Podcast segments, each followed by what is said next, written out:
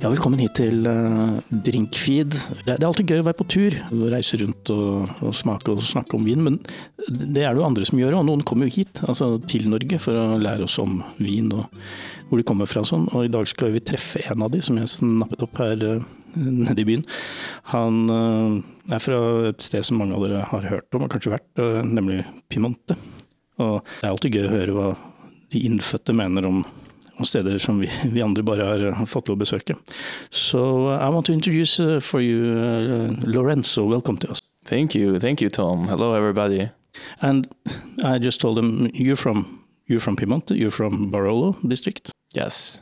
How's that? Well, it's uh, I feel very lucky to to live there. It's such an outstanding region, not just for wine, of course, but it's a UNESCO World Heritage Site. So it's really one of the most beautiful wine regions in the world. Uh, the landscape is very hilly. Uh, the vineyards look outstanding, and it's a pretty small area. Consider that in Barolo we are 600 wineries in uh, 2,000 hectares. So it's actually very small, but it looks amazing. We are surrounded by the Alps, so we're actually quite close to the to the mountains, and we are one hour away to the sea. You have everything. We have everything. 6,000 hectares. It, it, sounds so little compared to all the wines we are hearing and, and, and tasting. Is a lot of wine wineries are crammed into that little space. The the whole Barolo production is about 16 million bottles for the whole region.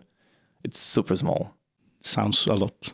It's actually small. There are wineries producing millions of bottles themselves. But your house, uh, we are talking about um, Azelia. Tell me about the about the house. It was founded by your great great something father. yes, we are. It's many generations ago. Uh, we are one of the most um, historical wineries in the region. Everything started in uh, 1920 with my father's great great grandfather. So it's a big uh, family tradition, and it started as a small farmhouse because back then we're talking about the early 1900s. Piemonte was extremely poor it was a very different region, and most of the families were just farmers. So they had many animals, they had a lot of fruit trees, they used to produce peaches, apples. Wine wasn't a business as it is nowadays, of course. They were making wine already, but just extremely small quantities for the family and for a few friends. My great great grandfather, the one who founded uh, Azelia, is considered one of the pioneers in the region because he was one of the very first uh, farmers who started making wine for commercial purposes. So, and back then it was something pretty crazy. Uh, it wasn't easy also to produce bigger quantities. It was uh, such a crazy investment just to buy the right equipment for a winery. Uh, to ship wine was almost impossible back then. So we are very, very proud of our heritage. I know you're taking over, or, or you're getting more and more involved, and you will you, you are in the learning process of, of, managing the whole whole thing. And you just told me that your father is still supervising and, and uh, very active uh, in the agriculture uh, yeah. side of it. How do how do you manage to both uh, run and take advice at the same time? Huh, it's not easy. Also because uh, our work, we, we are really small and family run, so we have to take care of everything. We take care of it, of the vineyards, of the winemaking, of the sales. So practically we're always like running here and there and we never divide. So in order to learn the whole process, it takes forever. Uh, my father has an incredible experience. This year, we just finished uh, three weeks ago the harvest. It was his uh, 45th vintage. So after 45 years, he has already seen everything. He's really able to adapt to any weather condition, and that's a huge help because there, we basically we are still farmers. My father always says that wines are made in the vineyards, not in the cellar. So we work with Mother Nature under the sky. If you're not you're really able to adapt to the weather, you cannot make a great wine. Let's go into the cellars because you, you are producing for a rather mm, traditional way of, of, making the wines. Other houses are more modern. They have developed uh, special techniques and, and are using um, artificial artificial yeast and, and, stuff. But you you are basically running uh, as you always have been doing. Yes, we our style has always been the same through five generations. We never changed it and we are very proud of that. Of course, we have always been having some small changes, innovations, uh, experiments. My father, my grandfather experimented a lot in the past, uh, using also more uh, modern techniques, new tools, new machinery. But the general concept has always been the same because I really want to make wine ha- as it was made by my great great grandparents uh, we have longer uh, macerations on the skins. Talk about the Barolo, and this is like Barolo was born. So we keep the skins in the tanks during the, the fermentation for about 40 days, submerged cap, just like it was in the past. And this way really allows us to show the vineyard in the glass because we practically mm, don't really want to cover the the original taste of the grapes. That's why we're very neutral with the macerations, with the use of the oak, uh, with the barrels. You always have to step back in the cellar. And that's really our style, practically. I, I think you have to show me because uh, we are talking a lot, and uh, and uh, I, I, really want to try this. So, can you? I, I, can see you have brought two bottles. It's the is the Langhe Nebbiolo. Shall we start with that? Of course, yeah. We have two bottles right here, right in front of us. So, Langhe Nebbiolo, and then we're gonna taste the Barolo Classico. So Langhe Nebbiolo is one of our one of our everyday wines. So very fresh, fruity, easy drinking. And Nebbiolo is our most uh, uh, grown variety because we also produce Dolcetto d'Alba, Barbera d'Alba. Barolo is, of course, the biggest production. And Langhe Nebbiolo, mm, which is also used for Barolo, represents about 75% of our total production. So this is so, your bread and butter, so to speak. Exactly. What what do I smell? Can can you tell me what I'm smelling here? So Langhe Nebbiolo uh, is always very open, very generous on the nose. Also because we don't age it in uh, wood, only in steel. One year in stainless steel tanks. Yeah, it's very clean. It's no no vanilla. It's no exactly. no strange herbs in here. It's it's, it's just the grapes. Plain fruit. Plain so, fruit. Yes, we really want to be able to taste the grapes here. And the typical features that you can really smell here are uh, red fruits, ripe red fruits like raspberries, cherries. It's also very floral, like uh, rose petals, violets, very bright and alive. Yeah, the, the, the flowers are very distinct here, and it's so funny to to hear you uh, talking about it because I can I can uh, re relocate all the all the all your words into smell and it's uh, it's very nice. And Nebbiolo normally mm, we drink it very young, like um, the year after the harvest, a few years later. Um, even if you could age it, even for I would say 15 years, uh, if it's a very like classic vintage, definitely you could age it. We like to drink it pretty young because of the freshness and the bright acidity, and also it's extremely easy to pair. You can pair it almost with anything. Yeah, what would you eat with, with this? In Piemonte, our typical pairings for Langhe Nebbiolo are even aperitif. Aperitivo is a fantastic wine. Any kind of starter, uh, lighter meats, mm, also pasta. Pasta is a fantastic pairing for Nebbiolo. I would say this style of Langhe Nebbiolo, since we don't age it in wood, only steel, makes it very easy to pair with fish too like father fish, like salmon. Nebbiolo has a good acidity to clean your mouth while you're eating, and it doesn't cover the taste of the fish. You, so you, are practically selling this wine to anything today. Yeah. Well, no, but it's well, actually like that. You should try. You should try. I think I have to order a case and uh, and, and really try it. Yeah. Uh, on the palate, uh, I, it, it has this distinct fruit, of course, but also the uh, touch of dryness from the from the tannins. The tannins, yeah. And that combined with the with the nose and everything, it's it's sort of a big picture of a wine. It, it painting a very nice picture. Nebbiolo is always very particular uh, because it has power and elegance at the same time. And there are very, very few varieties on earth which have these two features together. Consider that Nebbiolo is one of the oldest varieties on earth. There are traces of Nebbiolo vines planted in Piemonte because it was born there as a native grape in 1200s. So it's really outstanding how it is so rooted to Piemonte. Well, it's um, it's tasting your land. Yes, To, to be very very poetic, much. if you are getting poetic here, yeah. Okay, so um, what about uh, you, you stepping it up a bit? You use the same grape, the Nebbiolo, but uh, but you do something more with it to to create the Barolo, which we are going to taste next. What's the difference? So it comes from the same area. Barolo is made with 100% Nebbiolo grapes. That's by law, by the DOCG law, which is the denomination of the wine. But Barolo has specific borders. So the vineyards have to be inside specific borders, which are the Barolo borders.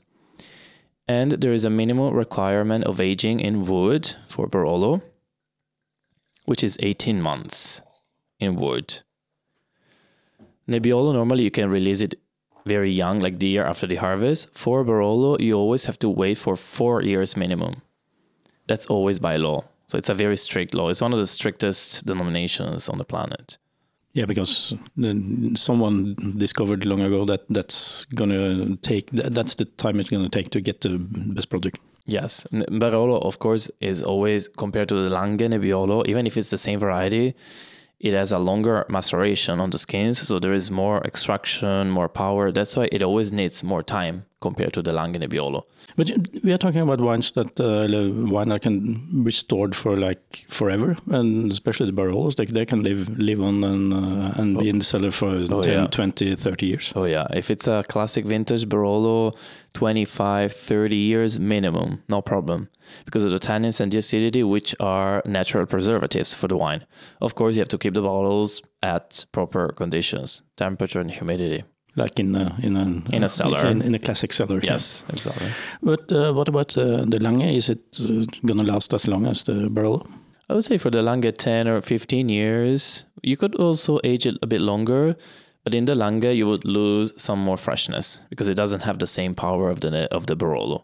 And in any case, I would suggest uh, that you drink the Langhe Nebbiolo young because I love the freshness from a young uh, age. Yeah, and then the floral notes are gonna disappear in, in Yeah. eventually. Yeah. So we tasted the Langhe Nebbiolo 2018, and now we're gonna taste the Barolo uh, 2017. Yes. Was it? How how was those uh, vintages compared? Uh, was it uh, totally different? Very, I would say, pretty different vintages. Um, 2018 was uh, colder, it was a bit fresher. So the acidity is a bit higher and the structure is slightly lighter. So very easy going, very easy drinking. On the other hand, 17 was uh, uh, much warmer. So there is more power, more intensity, more structure. You can really feel the tannins in the 17 vintage. Also, the color is a bit darker because the grapes are really concentrated. So while you're smelling, I had to ask you what, is the notes here that are so different from the from the Langhe? The fresh fruits, the fresh red fruits are always there. So you always have the raspberry is always the most typical feature for Nebbiolo and Barolo. Uh, here you have this particular uh, aromas combined with the spiciness of the oak because we aged this wine for two years in the barrels. So at the end, we don't use new barrels, just old barrels. So you feel the spiciness at the end. It doesn't really cover the taste of the grapes. At the beginning, you have the features of the Nebbiolo, but they end with this spiciness coming from the oak. The barrels you're talking about, uh, what sizes are those? We use big barrels for Barolo from 25 to 50 hectoliters. So pretty big. 2,500 liters. huh? Yes. Yeah, that's Up to that's substantial. Yeah, up to five 5,000 liters. Right. Well, you can live in there. yes, uh, they are pretty big.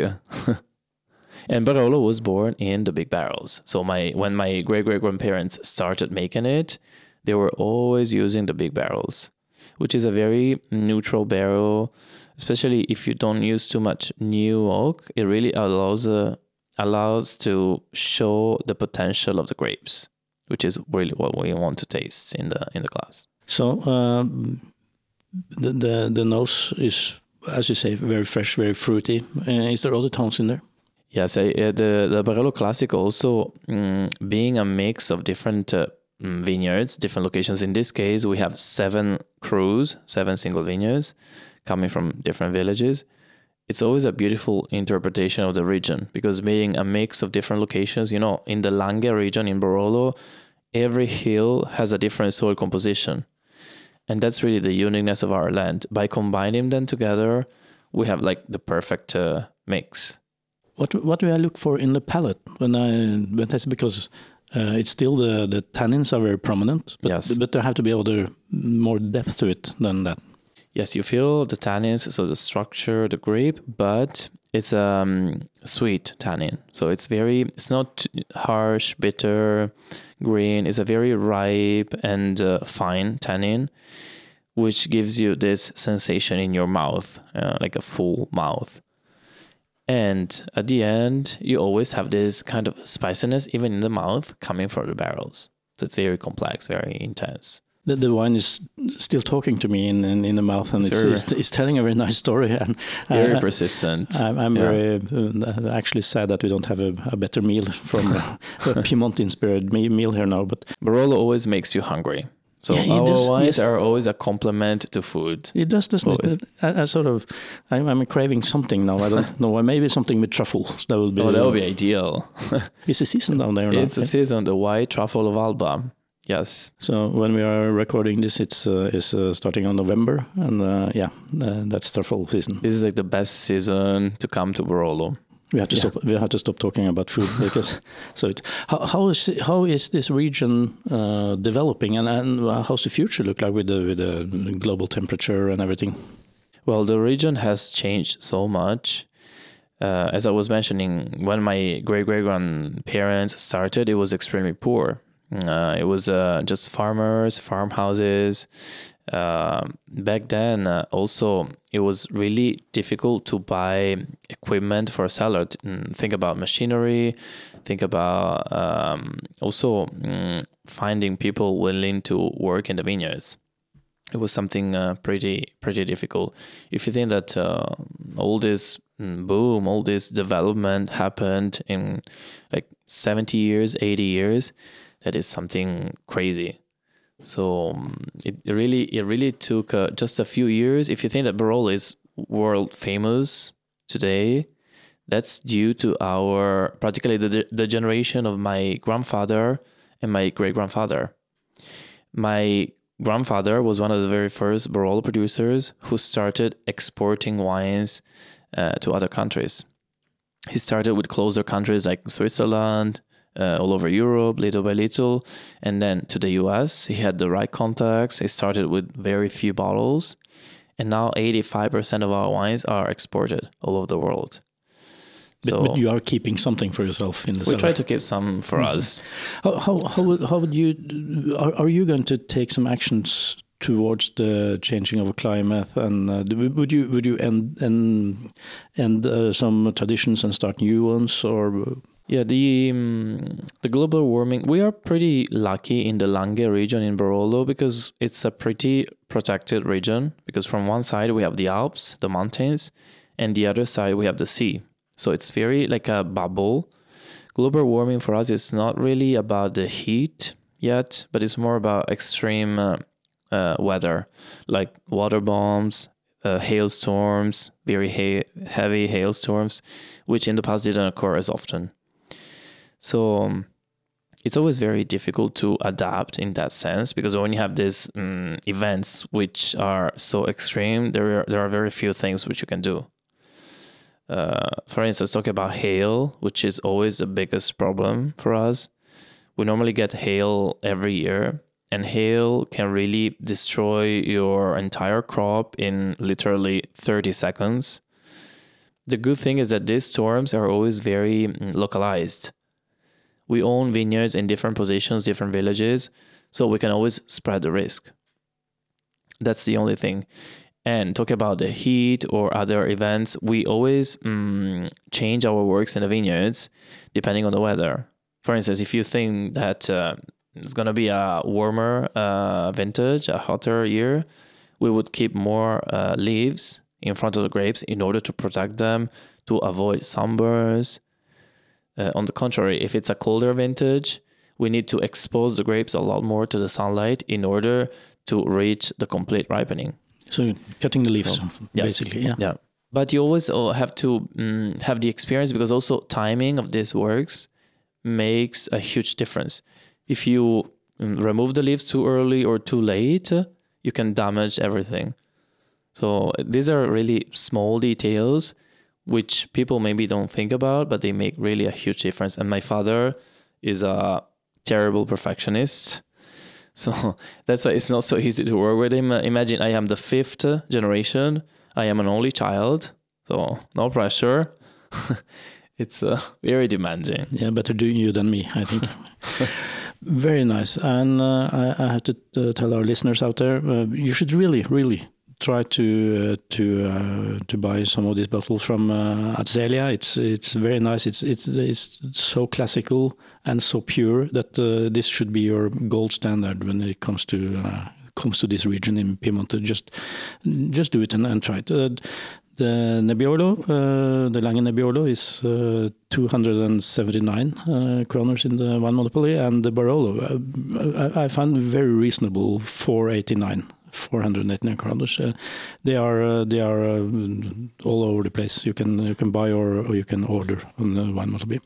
Thank you so much, uh, Lorenzo, for sharing this time with us, and uh, Thank and, you, Tom. and, and so nice to to try your wines. Very very very good experience for me. Thank you, very appreciated. You're all invited to come to Piemonte. eh? You have to come and visit Barolo. I'm sure you're gonna fall in love with the region. Also for the gastronomy scene, the restaurants in Barolo are incredible. So not just wine. Yeah, the last one was for all our listeners. Please please go and visit. Grazie mille, molto gentile. Grazie a te, ciao Tom.